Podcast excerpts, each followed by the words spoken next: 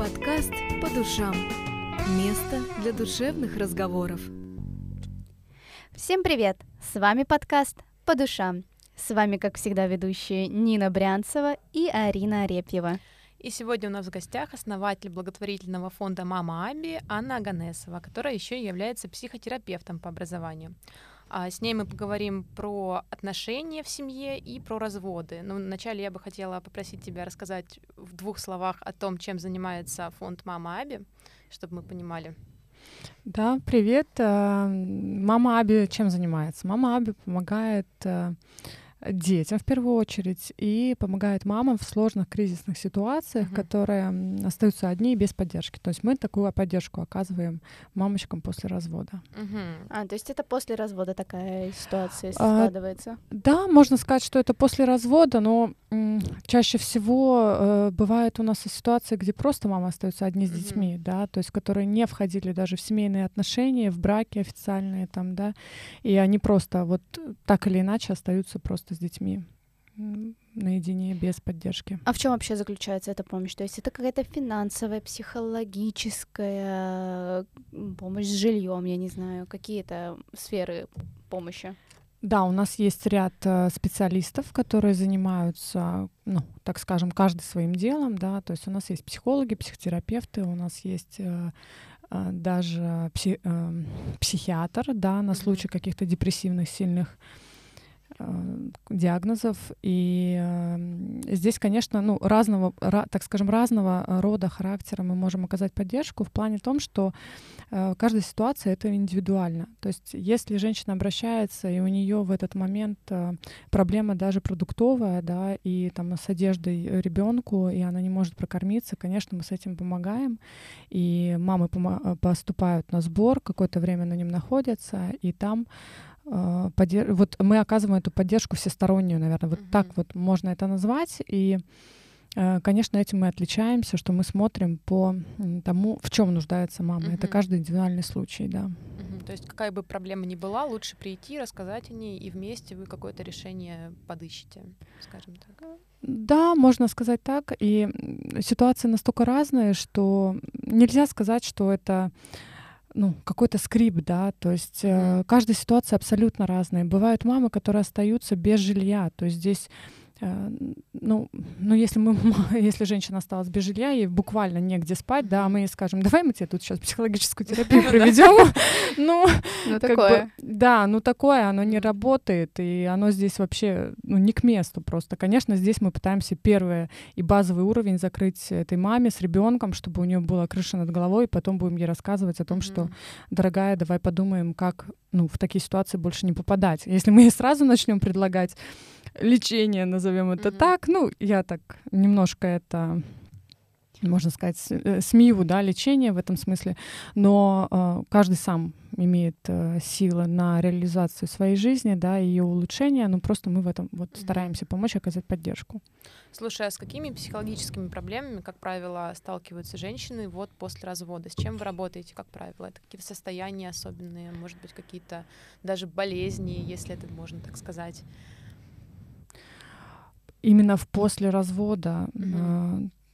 какая, ну, я не могу сказать, что тут про здоровье, да, mm-hmm. мы немножко mm-hmm. это не, ну, можем затрагивать, mm-hmm. потому что э, здесь есть психосоматика, конечно, но если мы будем говорить о тех ситуациях, когда женщина после развода, она находится в критической точке, mm-hmm. то в этот момент там так играет адреналин, что ты не в первую очередь не думаешь о том, болит у тебя там живот, голова или mm-hmm. э, что-то еще, да. То есть ты в этот момент думаешь, как прокормить себя, mm-hmm. как прокормить ребенка, и здесь мало идет мысли о своем каком-то здоровье в этот момент. То есть мы, как правило, о своем здоровье думаем тогда, когда у нас все хорошо. То есть, а во все остальные случаи мы думаем о том, что у нас э, само заживет, да. Вот, поэтому, а вот если так проблемы, наверное, это э, из таких вот самых важных проблем, это из того, что я не знаю, что мне делать, и страх будущего, да. Mm-hmm. То есть тревога и страх будущего — это такая самая большая явная проблема. Ну вот мы немного коснулись, да, той темы, что первый вопрос, как э, прокормить себя и ребенка. А как тебе вообще кажется, насколько остро сейчас стоит проблема несамостоятельности женщины. То есть, когда она понимает, что она не любит человека, что не складывается, она его боится, допустим, абьюз тот же самый в семье, но из-за финансовой зависимости она не может уйти, она боится, и как бы, ну, э, оказавшись в беде, она как бы остается в ней же и не пытается ничего сделать, потому что она просто боится, что она не вытянет. А, вы знаете, каждый человек, абсолютно каждый, я в этом убеждена, а, поступает, а, любой свой поступок в жизни совершает из позиции любви к себе. И сейчас могут многие сказать, что это не так, что есть там проблемы с самооценкой. Самооценка вообще здесь не имеет никакого отношения к этому. Здесь любовь к себе, я имею в виду то, что мы так или иначе приходим одни в этот мир, да, уходим одни, это заезженная фраза. И здесь в любой жизненной ситуации мы выбираем максимально для себя э, комфортную mm-hmm. и лучший вариант, который возможен на сегодняшний день. И за это себя нельзя ругать. И если на сегодняшний день ты понимаешь, что ты не можешь прокормить самостоятельно ребенка, ты не можешь прокормить себя, и единственный твой вариант это жить с человеком, который тебя обеспечивает, но при этом он тебя в чем-то не устраивает, это решение внутри приходит все равно из-за любви к себе. И mm-hmm Здесь, конечно, ну, просто нужно работать вот с этой невротичной любовью к себе, потому что это, конечно, не от здоровой позиции. И в первую очередь, что нужно делать, я всегда советую, не бегите сломая голову, не рушьте мосты, не пытайтесь от кого-то сбежать, убежать, кого-то обвинить, там, я не знаю, воевать, пытаться кого-то засудить или еще что-то. В первую очередь просто остановитесь и поймите, а, что так больше дальше нельзя, опирайтесь на свои две ноги, говорите себе, да, есть прекрасное упражнение, ставим стопы на пол, да, я есть, я здесь, и я что могу сделать сегодня для себя, чтобы больше в таких ситуациях не быть, и делать шаги. Здесь, конечно, нужна дисциплина. Это прям правда в лоб и очень такая хорошая. Я с этой позиции прям согласна, что, ну, как бы иногда мы делаем слишком поспешные какие-то решения. Женщины мы еще такие эмоциональные. Да, да, У нас сперва эмоции прут, а потом только мозг доходит до чего-то. И... Слушайте, ну да, бывают такие ситуации, но бывает же и наоборот, когда явно нужно уходить, например, человек неадекватный, или, например, э, ну вот не получается, очевидно. Вот как понять, стоит ли уходить или стоит все-таки остановиться, подумать, э, все-таки там не сжигать мосты и так далее. Раскрою секрет. Угу. Вот, наверное, это такая очень важная информация будет для каждой женщины, угу. там для мужчин тоже, кстати, почему нет. А, есть а, разделение наших а, эмоций от наших чувств. Вот чувства и эмоции люди путают. Не надо путать. Есть чувства, а есть эмоции. Mm-hmm. И вот прям заходите в Google, там большой список, да, заходите в Google и определяйте, что такое чувство, что такое эмоции. Потому что чувство к человеку, ты можешь человека любить, но ты можешь к нему испытывать раздражение, он тебе может не нравиться какими-то поступками, он может тебе чем-то задевать и так далее. Но чувство у тебя к человеку не меняется. Mm-hmm.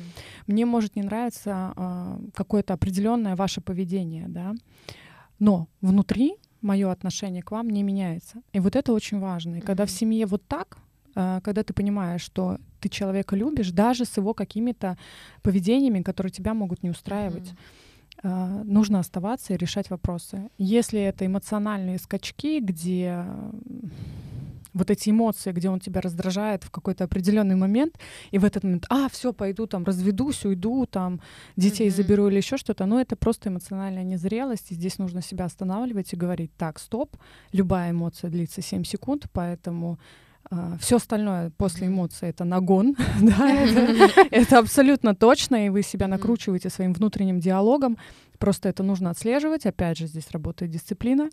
Нужно себя отслеживать, что ага, так, я накрутила себя, окей. Еще посмотреть свой ПМС-цикл, если что. Потому что мы, девочки, знаем о том, что у нас а, месячный да, цикл, мы от него зависим. Поэтому а, здесь, конечно, вовремя себя нужно останавливать, давать выдыхать, э, идти там на 7 минут куда-то, сходить в душ, выдохнуть, э, отпустить какую-то свою эмоцию, выйти, и уже будет другое настроение. Это просто как секрет, 7 минут. Помните, помните про эти 7 минут. Вот прям 7 минут, это прям важно, 7 минут вот эти вот пережить и потом принимать решение и уже думать дальше.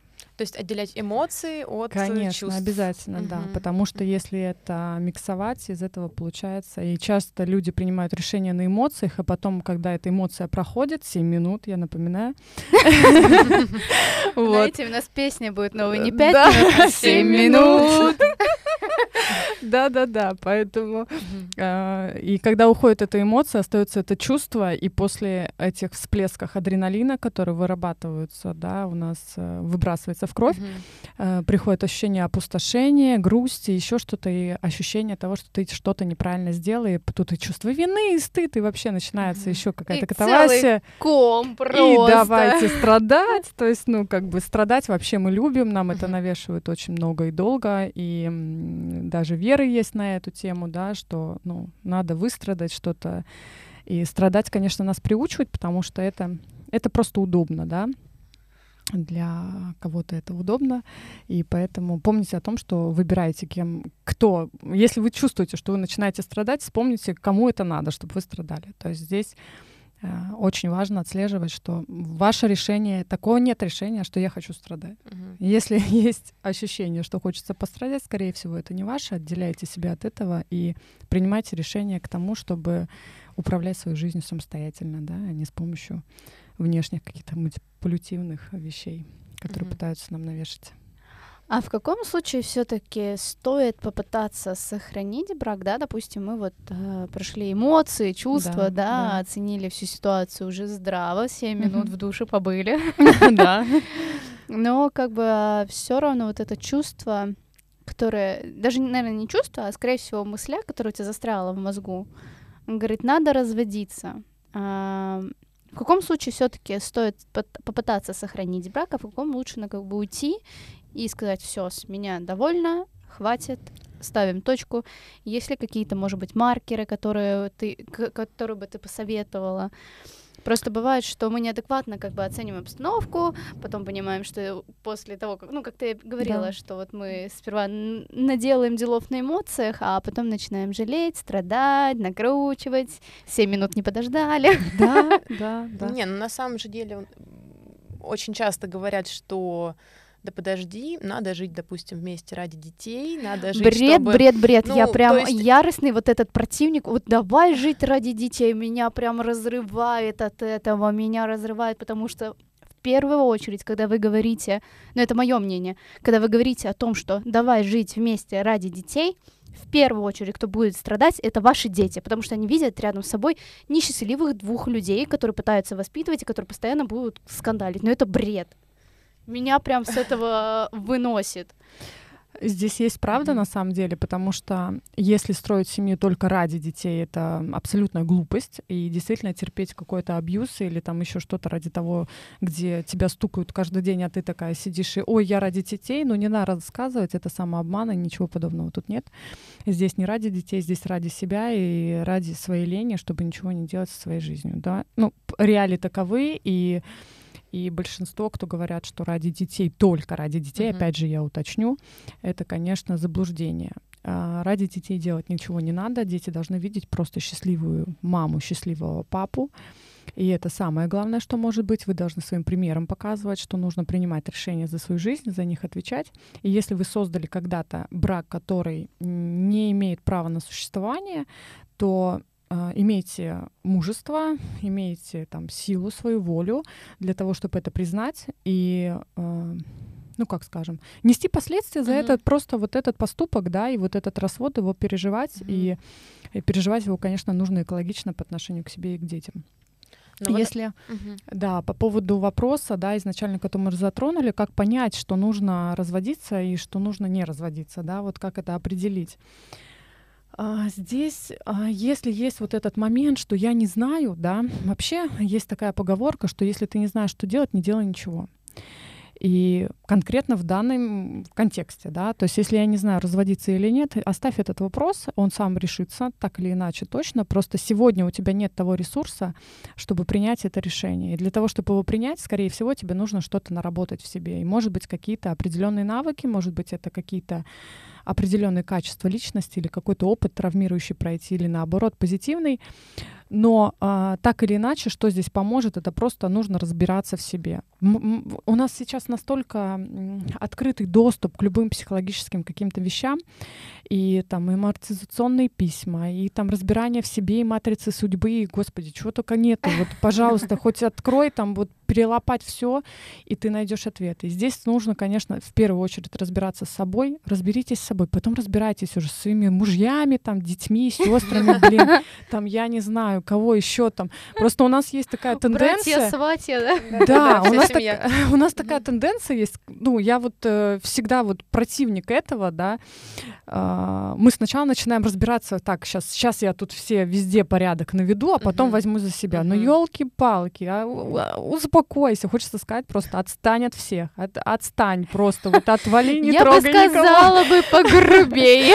Да, да. То есть мы хотим... Я даже вот недавно у меня был случай, где девочка, которую я там веду, э, клиентка, и она мне говорит, Аня, я поняла вот эту истину. Все, сейчас пойду мужу скажу. Я думаю, да твою ж ты. Ничего ты не поняла. Куда ты пошла?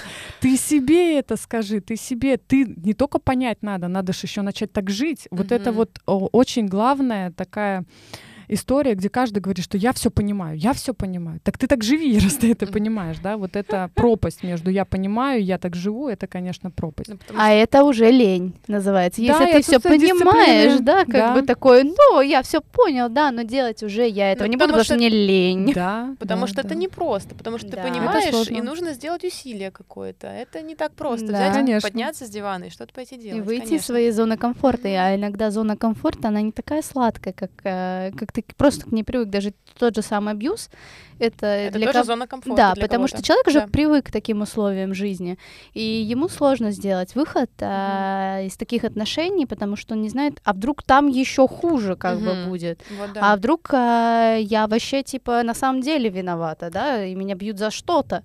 Я вам расскажу про абьюз, наверное, это будет сейчас шок-контент, а, но абьюз односторонний не бывает. Воу, так.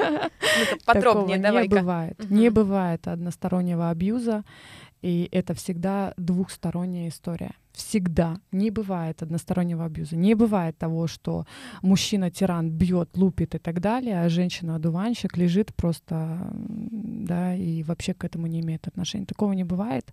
Так или иначе, это есть э, поведенческие уровни, где на поведенческом уровне э, каждый из них меняет роли, то жертва, то э, там Э, нападающий, да, то спасающий. И это по кругу длится просто, ну, в мире так принято, mm-hmm. да, что женщины от этого страдают больше. Я вас удивлю, но мужчины страдают не меньше. И э, это действительно двухсторонняя история в нашем сегодняшнем мире, да, где э, мужчины действительно чаще э, в сегодняшнем дне, да, проявляют агрессию, и я знаю даже этому причину. Ну, это мое личное мнение. Это потому что у мужчин очень много энергии, у них много э, такой защитной энергии. Им нужно защищать свою женщину, там, свою семью. Ему нужно зарабатывать, ему нужно да, что-то Давление прибывать. на него очень сильное. Да, а у нас нет условий для этого. И в сегодняшний мир здесь не надо долбать э, какого-то мамонта, да, то есть не надо строить дом. Ты, э, у тебя просто вот оно есть, и ты не можешь куда-то энергию. И, конечно, мудрые мужчины идут в спортзал, идут в какие-то э, такие агрессивные виды спорта, может быть, экскурсии там куда-то, какие-то Альпы, я не знаю, там всякие, да, кто мужчины находят эти варианты. И у нас просто вот это равенство полов привело к тому, что страдают теперь от этого и одни, и другие, да, институт mm-hmm. семьи от этого тоже страдает, и я э, всегда говорю за то, что я за институт семьи, и в последнюю очередь думайте о том, как разрушать свою семью, в первую очередь думайте о том, как ее сохранить. И если ваш мужчина ходит, он злой, недовольный, ему что-то не нравится и так далее, предложите ему покопать лопатой, помыть машину, я не знаю, отправьте его куда-то, чтобы он сделал какую-то физическую. Мужчине обязательно нужен физический труд обязательно мужчина без физического труда, он будет срываться, он будет негативить, он будет агрессировать и так далее. Точно так, как и женщина, что женщине обязательно нужно расслабляться. Если вы пашете 12 часов в сутки, и вам некогда отдыхать, хотя все работают, не бывает такого, да, что у кого-то 24 часа в сутки, а у кого-то 46, да, mm-hmm. так не бывает. Мы все устаем, мы все работаем, у всех дети, у всех мужья, готовка, борщи и так далее, но находите себе даже в день 15 минут, где вы ложитесь ласточкой и говорите, что я ничего не делаю, и себе это внутри тоже говорите, отдыхайте, потому что женщинам важно расслабление. Мужчинам напряжение, женщинам расслабление. Это очень важно. Слушай, вот у меня муж как раз-таки ходит а, постоянно мыть машину. То есть у него раз в месяц стабильно он идет не просто ополоснуть машину, mm-hmm вот он прям идет целенаправленно и тратит несколько часов на то, чтобы просто привести в идеальный порядок э, Какой машину. мудрый мужчина. И он, он получает от этого такое да, удовольствие. Да, да. То есть он такой, я тут а, на машине это сделал, это, это сделал. У него глаза горят. Я такая, а я лежала, мне так хорошо было. Да, да, это Правильная модель семьи, Арина, да. Я все делала правильно.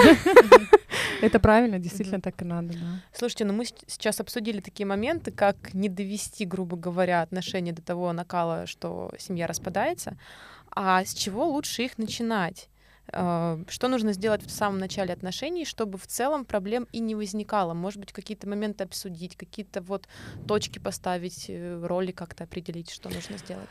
Ну, начнем с того, что вообще э, при, перед тем, как начинать какие-то семейные отношения, вот прям семейные, угу. да, к ним нужно быть готовыми. То есть невозможно, вот, на, вот это, знаете, как ребенок, вот он родился, он сначала учится ползать, потом ходить, потом вставать, угу. потом уже там, ну, сначала вставать, потом ходить, да, потом уже там это, и то есть все поэтапно. И у нас нас есть вот определенный цикл у человека, как он должен. То есть он там родился, в 7 лет он должен там начать ходить в школу, потом он должен там получить какое-то образование, потом должен там уже думать о том, как там обеспечить себе базовый уровень, там, а базовый уровень это где жить, что есть, да, mm-hmm. и так далее, и так далее.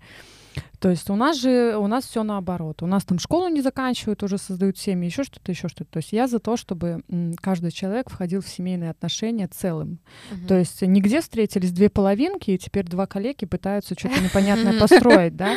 То есть, а где два человека абсолютно целые, абсолютно э, созданы. То есть э, э, человеческая жизнь это же не только семья. Если мы возьмем, да, это вот э, вообще саму человеческую жизнь, да, это не только семья, это определение, ну, сфер, да, вот там есть даже жи- э, колесо жизненного баланса, то есть, да, там и хобби, и здоровье, и работа, и самореализация, и путешествия, и елки-палки, чего вы туда можете только себе напихать. То есть не надо зацикливаться только на определенные, вот прям все, надо рожать, надо семью, надо это. Оно все само придет.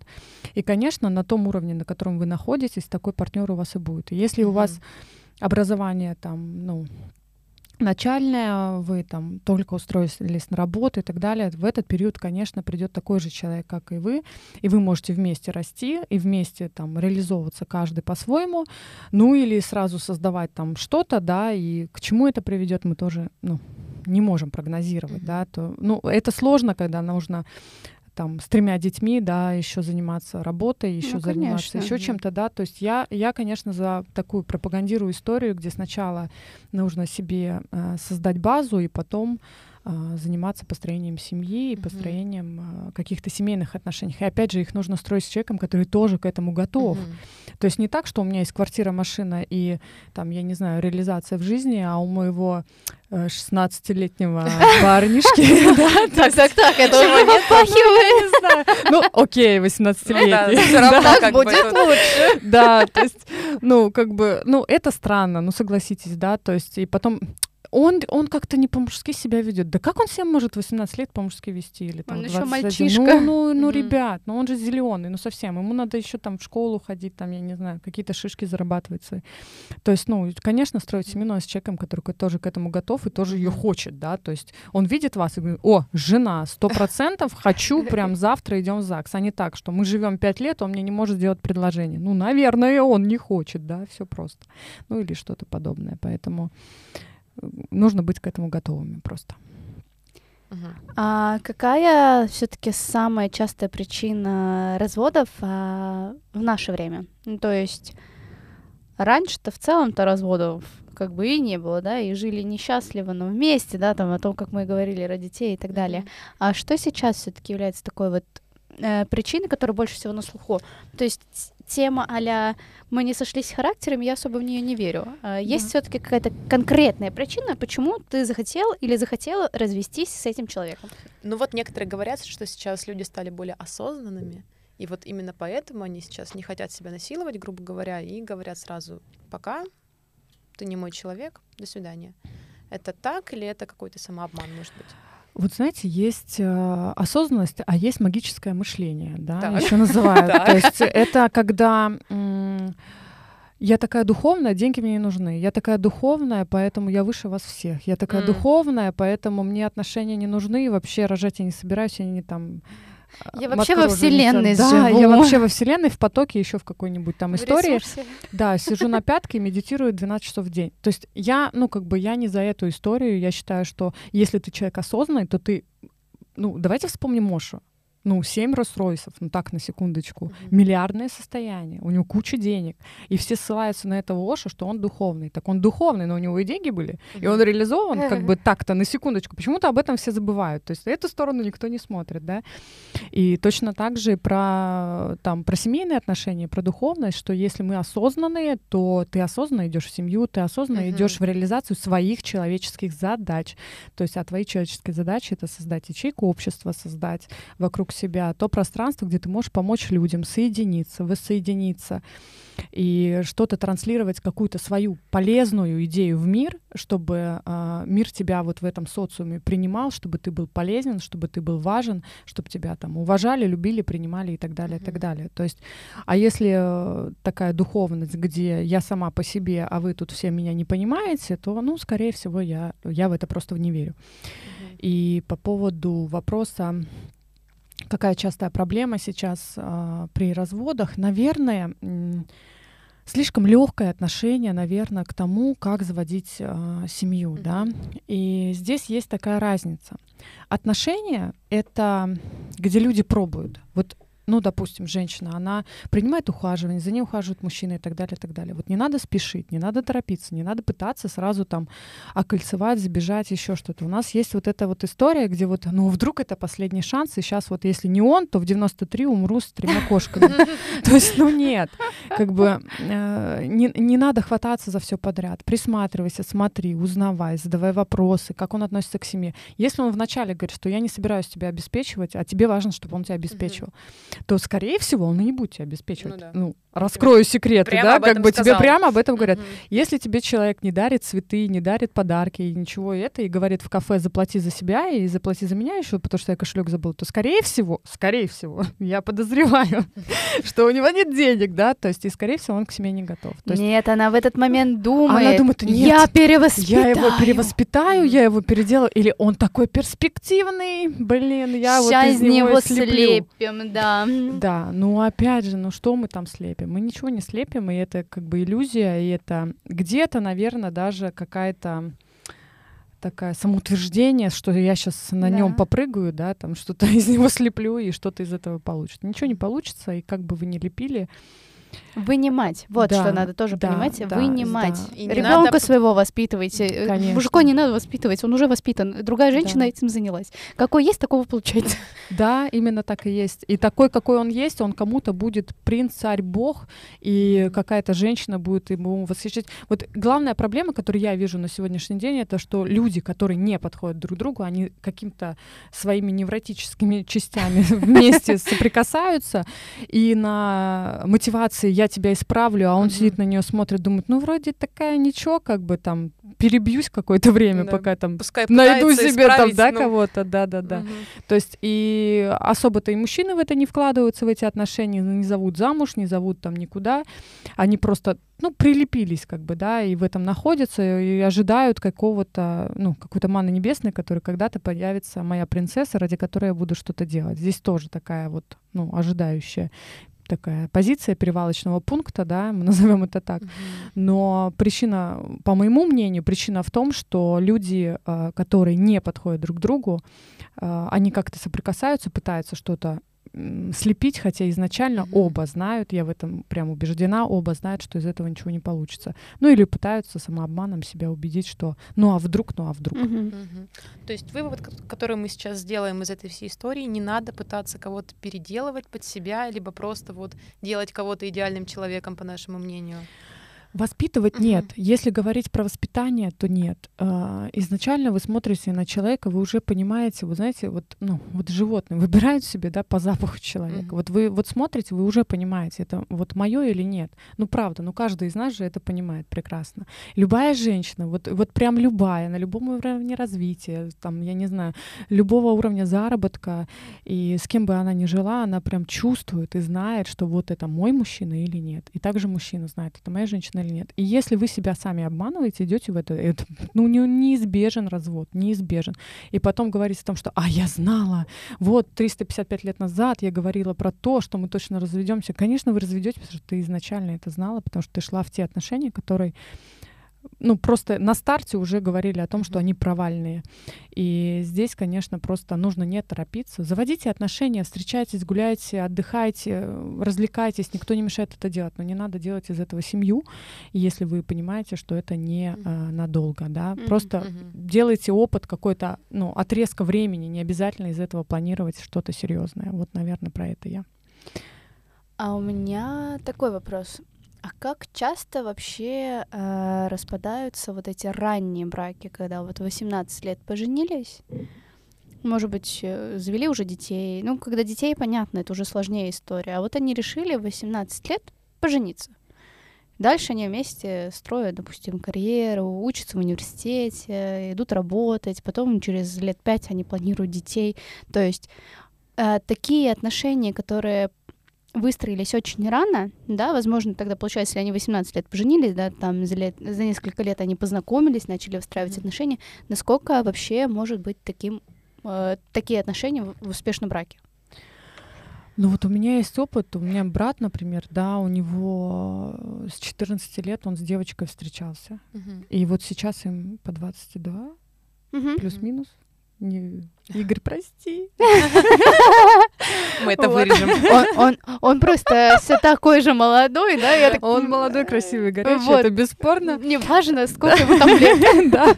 Вот, но у них прекрасные отношения, они, конечно, вместе, они развиваются, каждый идет своим, но э, там, наверное, изначально была правильная модель построения, то есть и они не спешат к тому, чтобы там э, организовать прям семью какую-то, да, заводить прям детей, еще что-то. То есть каждый идет своей дорогой, каждый реализует себя. И сегодня им вместе хорошо, они это осознанно понимают, им вместе классно, здорово. Они достигают каких-то вместе высот. Никто не исключает того, как будет дальше, uh-huh. да, но они живут сегодня, им сегодня хорошо, они стараются сегодня реализовать свои, именно свои задачи. Uh-huh. Не так, что один к другому лезет, так, ты должен это делать, а ты вот это, uh-huh. да. То есть а каждый занимается своим делом, но при этом они вместе, и э, вот главное вместе должно быть кайфово. Вот uh-huh. это вот важно. Uh-huh. То есть и вот если вместе кайфово, но при этом вы занимаетесь каждой своей жизнью, вот тогда да. И тут не важно, сколько тебе лет, 18, 42 или 78, да. Тут абсолютно это не важно, потому что, э, ну, иногда и в 45 uh-huh у нас э, так, что и в 55, и в 65, когда там женщины живут, и потом, ну, мне муж, я его видеть не могу, да, uh-huh. то есть, ну, разница, мне кажется, в возрасте тут uh-huh. не так сильно важна. Слушай, очень хорошо, что ты это сказала, потому что, мне кажется, у нас в обществе есть такие определенные стереотипы по этому поводу, что если вы выходите там замуж рано или там начинаете встречаться, то это сто процентов обречено, сто процентов да, не вы... нагулялись. Да, это все ошибка, нельзя так делать, там некоторые родители запрещают э, какие-то такие моменты. Mm-hmm. То есть mm-hmm. это не совсем правильно. Я так понимаю, просто здесь нужно подходить с правильной позиции к этому. Да каждому надо просто uh-huh. отстаньте от всех, дайте каждому делать, что он хочет. Вот просто, вот по-простому. Uh-huh. Ну, как бы, э, как нельзя... Вот у нас новое поколение, оно всегда умнее вот предыдущего. Это нужно принять. И вот дети, которые вот рождаются у нас, они уже будут умнее, чем мы. Это нужно признать и им пытаться как-то впихнуть, убедить, там, переубедить, mm-hmm. еще что-то, свои какие-то убеждения. Зачем? Зачем? Это ваша карта, это вы живете в ней, то есть они живут иначе. Конечно, должны быть какие-то рамки, конечно, должны быть какие-то, ну, что курить, пить это плохо mm-hmm. и так далее. Ну, Я да. не говорю сейчас про это, да, это совсем такие про мир, э, базы, про, да. про то, как ты смотришь на мир, да. Да, то есть, но а, как скажем, пытаться свою карту мира э, в очки надеть своему ребенку, что вот mm-hmm. смотри на вот э, на, на все вот через вот мою призму, углом, да. да. Mm-hmm. То есть это неправильно, я считаю, потому что, ну, раньше, если мы будем говорить, да, тоже браки были очень крепкие, долгие и так далее. Э, на чем они были основаны? Наверное, на каком-то общем таком воспитании, что брак должен быть, что это важно, что это ценно и так далее. И кто-то, конечно, были счастливые браки, меньше они распадались, и были намного ну, крепче, да, чем сегодня. Мы не знаем, что там внутри, не будем за это там сегодня там mm-hmm. разговаривать, да, но так или иначе, по общей статистике это так. Сегодня у нас 70, по-моему, 8 уже процентов разводов, mm-hmm. и это огромная цифра, конечно, ну, наверное, потому что сегодня А это не это говорит о том, что люди разучились строить отношения? Не они разучились договариваться на, на берегу, да, и как да. бы они они просто делают какие-то поспешные решения, и потом понимают, а, а что-то я фигню сделал, да, как бы давай-ка назад. То есть это это реально страшная цифра, 78%. Но это большая часть. Да. Это, это большая э, часть. Мне страшно. Да. Я как-то, ну, ощущение того, что люди просто разучились строить нормальные отношения. Слушай, ну мне кажется, здесь, здесь еще какая-то, может быть, отношение изначально, то есть, когда ты идешь э, в ЗАГС, ты думаешь, ну, в целом, может быть, если что, я разведусь. А раньше, когда ты шел в церковь, то это уже навсегда было, и у тебя отношение было другое к этому да, всему Да, делу. абсолютно точно. Угу. И я здесь тоже э, про то, что это, скорее всего, играет на это пропаганда. И э, если мы послушаем песни, даже которые сегодня поются, да, которые говорятся, и это очень сильно так э, ну, идет большая пропаганда в нашу голову по поводу того, что а я одна крутая, иду такая, там, да, и вот, вот да, это вот все.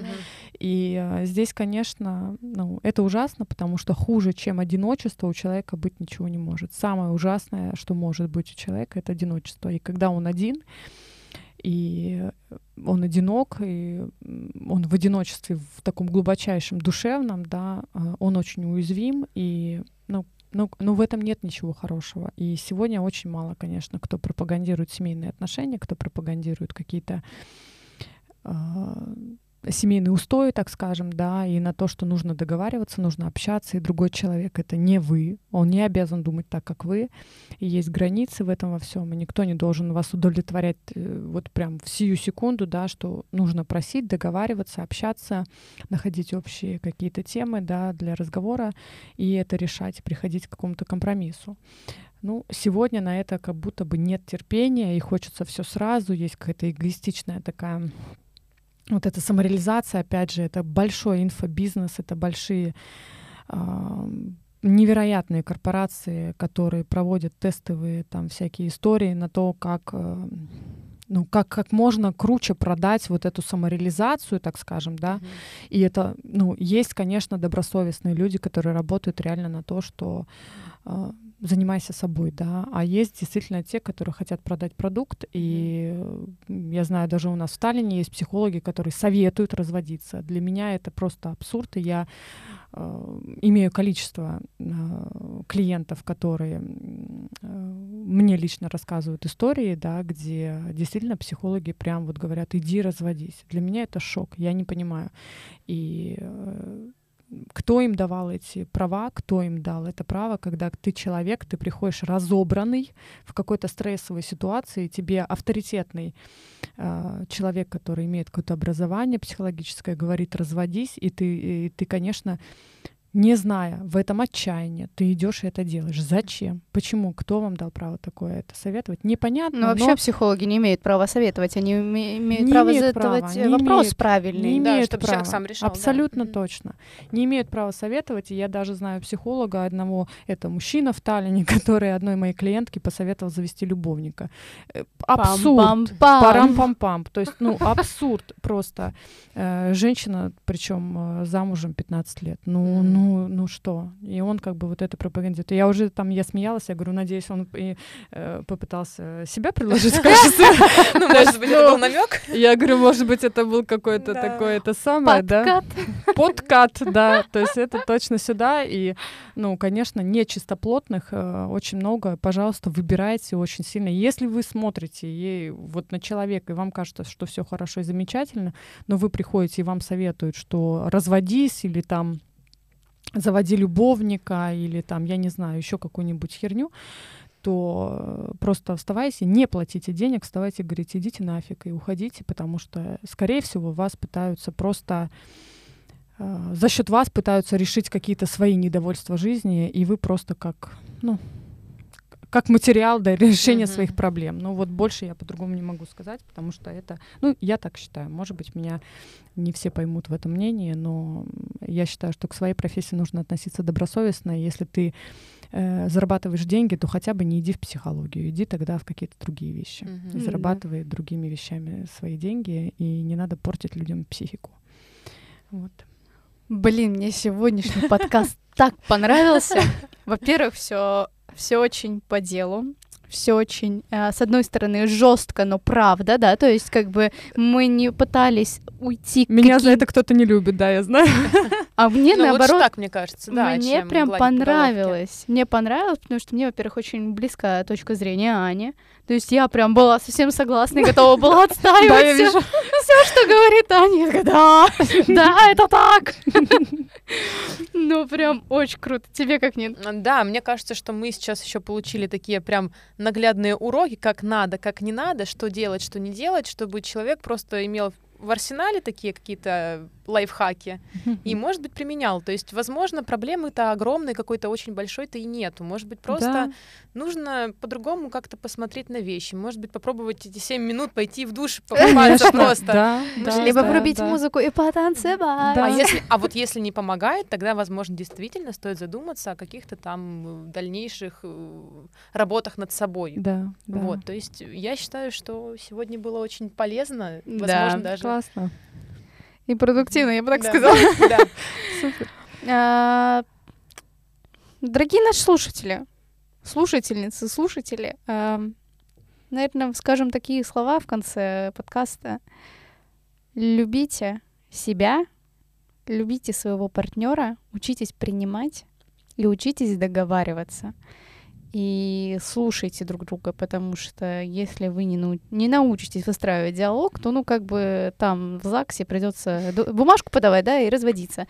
Ну, а если вы все-таки хотите избежать этого, то научитесь правильно выстраивать отношения. И как бы вот, вот, вот, вот наш подкаст, как бы тут практически такой пошаговый э, рецептик вам.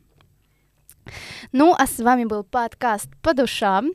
С вами, как всегда, были Нина Брянцева и Арина Репьева, а в гостях у нас была Анна Аганесова. Всем спасибо, всем пока. Всем пока. Подкаст по душам. Место для душевных разговоров.